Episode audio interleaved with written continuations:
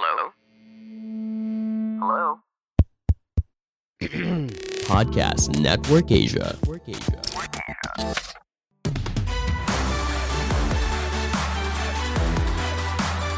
Kembali menata tujuan hidup. Ketika bertemu dengan seseorang jarang yang bisa menjawab atau menjelaskan lebih detailnya apa tujuan hidup mereka yang jelas dan pasti. Memang hidup yang tidak menentu memungkinkan seseorang sulit mencapai apa yang mereka inginkan. Tapi apa selalu demikian ya? Bagaimana buat mereka yang sukses? Apakah itu sebuah kebetulan? Coba yuk langsung aja kita pelajari apa yang bisa membuat kita bisa seperti mereka. Dengerin langsung yuk di episode kali ini.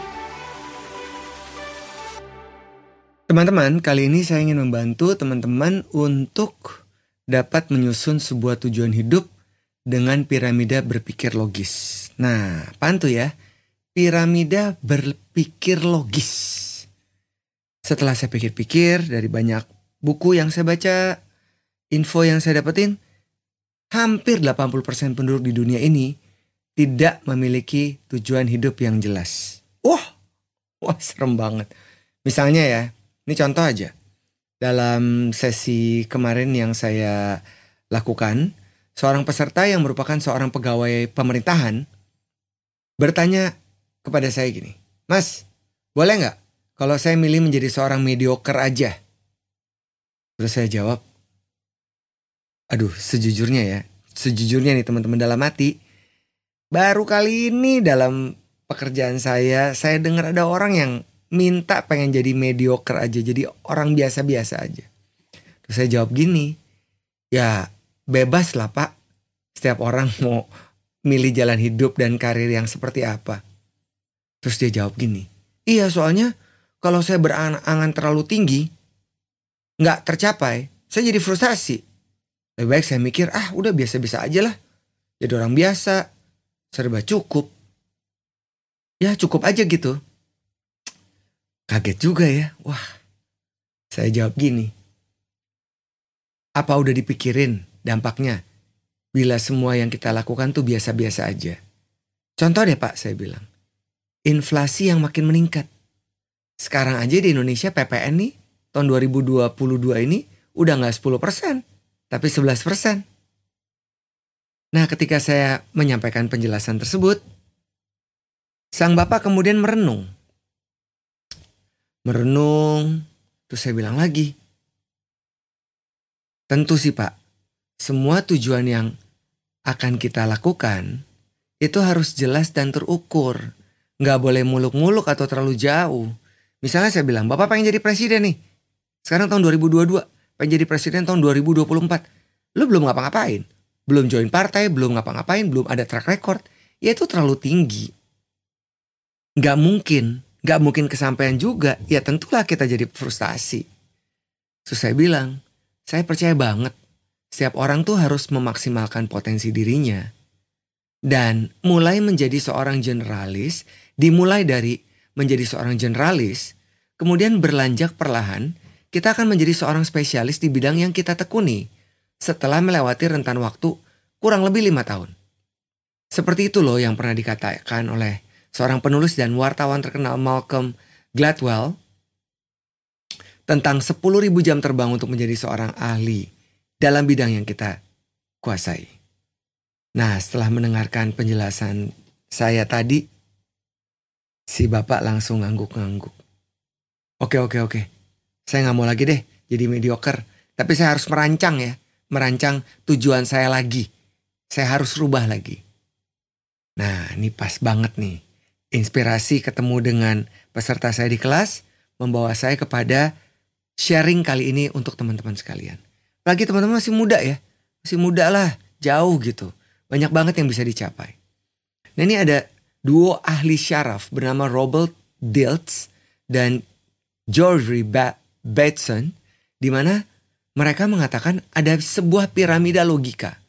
Dan kalau ini dilakukan dengan sadar, akan membuat kita menjadi lebih powerful, termasuk memiliki kemampuan menganalisa, membantu orang lain, menyelesaikan masalah, dan juga menciptakan hubungan yang harmonis serta menjadi membuat hidup menjadi bermanfaat. Nggak cuma buat diri kita doang. Ada tiga, empat, lima. Ada enam jenjang teman-teman. Jenjang yang pertama yaitu environment. Environment atau lingkungan. Coba deh sekarang cermati ya. Saya itu berada di lingkungan seperti apa sih? Apakah lingkungan tersebut dapat membantu saya mencapai tujuan yang saya inginkan? Tentu sebelum kita melihat environment, kita juga harus bertanya dalam diri kita. Apa sih tujuan hidup gue nih? Apa udah jelas? Apa sudah dibuat dengan terukur? Misalnya ya, di kantor, jenjang karir yang ingin dicapai. Dua tahun ke depan, tiga tahun ke depan, lima tahun ke depan. Apa gitu? Itu perlu dipikirin loh. Baru kita bisa mencocokkan dengan lingkungan yang sepadan yang harus kita miliki. Termasuk membuang lingkungan atau orang-orang yang tidak sepatutnya terasosiasi lagi dengan kita. Jadi orang-orang yang udah gak perlu lagi ada dalam hidup kita, ya nggak usah lah. Ya maksudnya kalau itu keluarga kan nggak mungkin dibuang ya. Ya ya harus ada gitu. Tapi untuk orang-orang di luar itu pergaulan dan lain-lain, ya temenin secara virtual aja di sosmed, tapi nggak usah berhubungan dengan mereka lagi gitu. Kenapa ini perlu? Karena kita perlu lingkungan yang sehat, yang cocok untuk tujuan kita yang jelas. Jenjang yang naik ke atas lagi yaitu behavior. Nah ini kerap selalu menjadi batu sandungan. Bila seseorang sudah memiliki tujuan yang jelas, lingkungan yang tepat, teman-teman, tapi kalau diikuti dengan perilaku yang tidak menyenangkan, tentu tidak akan dapat dengan mudah mencapai ke jenjang selanjutnya. Jadi kita mesti nanya ke dalam diri kita.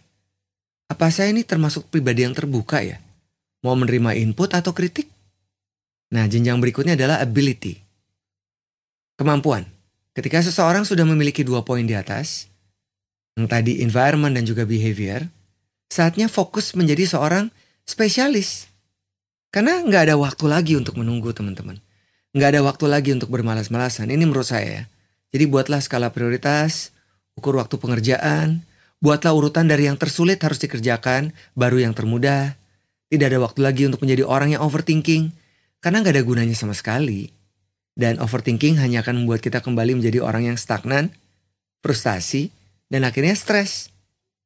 Akan hal yang nggak penting untuk kita lakukan atau kita pikirkan. Apalagi menyangkut hal eksternal yang tidak dapat kita kendalikan sama sekali. Jadi kata kuncinya di ability adalah pertajam, keahlian, dan bentangkan wawasan kita seluas samudra. Yang berikutnya adalah belief and values. Nah ini Pertahanan mental kembali diperlukan dalam mencapai tujuan hidup yang jelas. Apa yang kita percaya dalam diri kita. Nilai teguh apa yang kita pegang secara utuh. Kedisiplinan, tepat waktu, integritas, menjadi pribadi yang memiliki growth mindset, dan walk the talk. Itu adalah goal yang paling penting dalam mempertajam belief and values. Walk the talk yang kita omongin kita lakuin, jadi nggak omdo. Jenjang berikutnya adalah identity.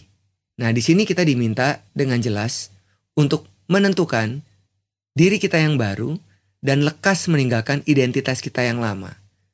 Menjadi orang yang baru dengan pemikiran yang baru, perasaan yang baru, tubuh yang baru untuk membuat kita menjadi pribadi yang tangguh. Jadi, pikirin teman-teman. Siapa nih saya yang baru? Brand apa yang mau saya gunakan? Pikirkan semua aspek yang sudah saya bahas tadi. Rangkum menjadi kata kunci yang mewakili sifat kita, pekerjaan kita, cara kita berinteraksi, termasuk cara berpenampilan yang akan menjadi personal brand kita yang baru. Dan yang terakhir, the mission. Mission. Apa goal yang ingin kita capai? Goal pribadi, goal di mana kita bekerja. Ini ada seorang pengusaha dan pembicara terkenal lewat bukunya Seven Highly of Effective People, Stephen Covey, mengatakan begin with the end in mind. Berpikir akan hasil akhir yang ingin kita tuju. Jadi, buat apa tujuan itu? Nah, itu mesti ditanyakan lagi teman-teman. Ini adalah level tertinggi yang akan membuat kita menjadi merasa berguna dalam hidup dan juga pada akhirnya memberikan kontribusi yang berarti kepada orang lain dan masyarakat luas. Level ini menurut saya sangat powerful. And the mission shines through everything. Anda akan selalu bangun tidur bersemangat ketika sudah merancang semua yang saya bahas dalam podcast kali ini. Let's do it! Halo para pendengar setia Erwin Parengkuan Podcast. Terima kasih ya telah mendengarkan podcast ini. Saya Veronica Tan dari podcast Warung Imaji. Setelah ini, yuk dengerin podcast Warung Imaji. Di podcast ini, kami ingin mengajak kamu untuk kembali memperkenalkan dongeng pada anak-anak. Kami ingin anak-anak Indonesia kembali mencintai dongeng dan mengembangkan imajinasi mereka sejak dini. Langsung mampir ke podcast Warung Imaji dan perdengarkan dongeng kepada anak malam ini sebelum mereka tidur.